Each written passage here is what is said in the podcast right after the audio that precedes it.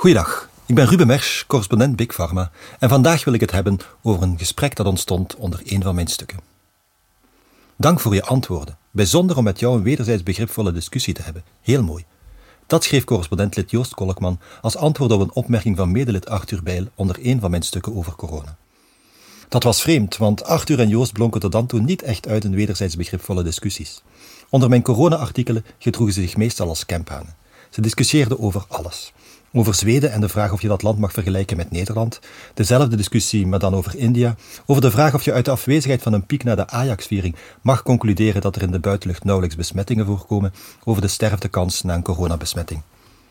Er was één constante, ze waren het bijna nooit met elkaar eens. Echt gescholden werd er niet, maar toch ging het er vaak hard aan toe.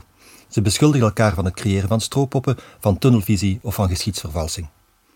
Ik las deze commentaren en vroeg me af hoe we dit nog gelijmd kregen. Arthur en Joost leken in twee verschillende werelden te leven, elk met hun eigen feiten en interpretaties. Hoe vind je dan nog gemeenschappelijke grond? Dit probleem stelt zich natuurlijk niet enkel bij deze twee leden van de correspondent. Bijna elk maatschappelijk debat lijkt de laatste tijd uit te monden in oeverloos gebekvecht. Over corona natuurlijk, maar evengoed over klimaatopwarming of racisme. In al die debatten ontstaan er kampen die, tot de tanden toe bewapend met feiten, de aanval op elkaar inzetten. Ze twijfelen niet, maar zijn er rotsvast van overtuigd dat zij het bij het juiste eind hebben. Ze luisteren niet, maar vragen zich wanhopig af hoe het kan dat anderen niet inzien dat ze ongelijk hebben. Vaak gaat deze discussie over wat waar is en wat niet.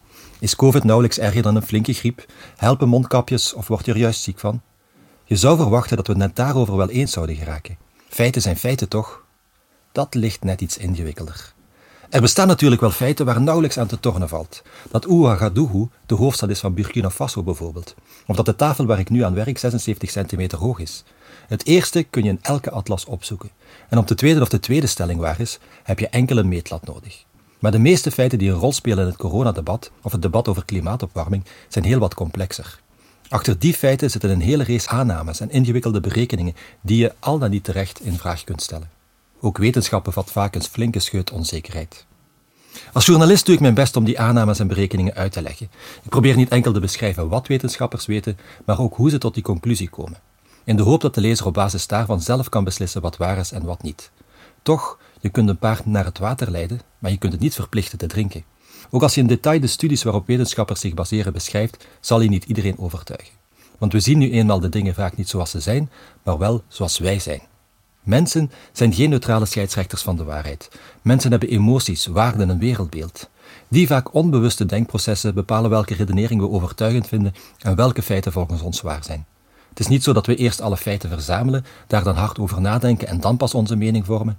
Vaak doen we het omgekeerd. Eerst hebben we mening en vervolgens gaan we op zoek naar de feiten en redeneringen die deze mening ondersteunen. En omdat feiten zo complex en kneedbaar zijn, lukt het meestal wel om zo'n onderbouwing te vinden. Zeker als je de rafelranden van de wetenschap opzoekt, vind je bijna altijd wel iets waarvan jij kunt geloven dat het een overtuigend bewijs is. Vandaar dat debatten over feiten zo vaak uit de hand lopen. Als de ander niet wil geloven wat volgens jou zo vanzelfsprekend waar is, dan is hij dom, slecht of een combinatie van beide. Iets wat een constructief gesprek had kunnen worden, wordt dan al snel een moddergevecht. Je probeert de ander niet te overtuigen, maar te raken waar je hem raken kan. Feiten worden munitie die je op je tegenstander afvuurt. Maar wat als we een debat de feiten even laten voor wat ze zijn en proberen dieper te graven? Dat is wat Arthur en Joost deden, en met succes. Het begon met een voorzet van Arthur, die Joost uitnodigde om de epistemologie even los te laten en naar de ethiek te gaan. Even niet sparren over wie er gelijk heeft, maar op zoek gaan naar de bron van een meningsverschil, hun botsende wereldbeelden. Joost nam de uitnodiging aan en er ontspon een gesprek over de waarden die aan de basis liggen van hun overtuigingen. Daaruit bleek al snel dat de standpunten van Joost, die eerder sceptisch staat ten opzichte van de huidige coronamaatregelen en de vaccins, niet ingegeven werden door domheid of het afwijzen van wetenschap, maar wel door zijn geloof in individuele verantwoordelijkheid. In zijn eigen woorden, de overheid heeft niet de plicht om het individu gezond te houden. Dat is de verantwoordelijkheid van ieder mens voor zich. Als de overheid bepaalde vrijheden enkel toekent aan diegenen die zich laten vaccineren, is dat volgens hem een beknotting van onze vrijheid. Diegenen die besluiten zich niet te laten vaccineren, worden dan tweederangsburgers. Arthur zag dat anders. Hij heeft naar eigen zeggen minder problemen met gehoorzaamheid. De maatregel waren volgens hem geen onderdrukking. Het doel, volksgezondheid, heiligde de middelen. Al kwam Arthur ook deels tegemoet aan Joost zijn verzuchtingen.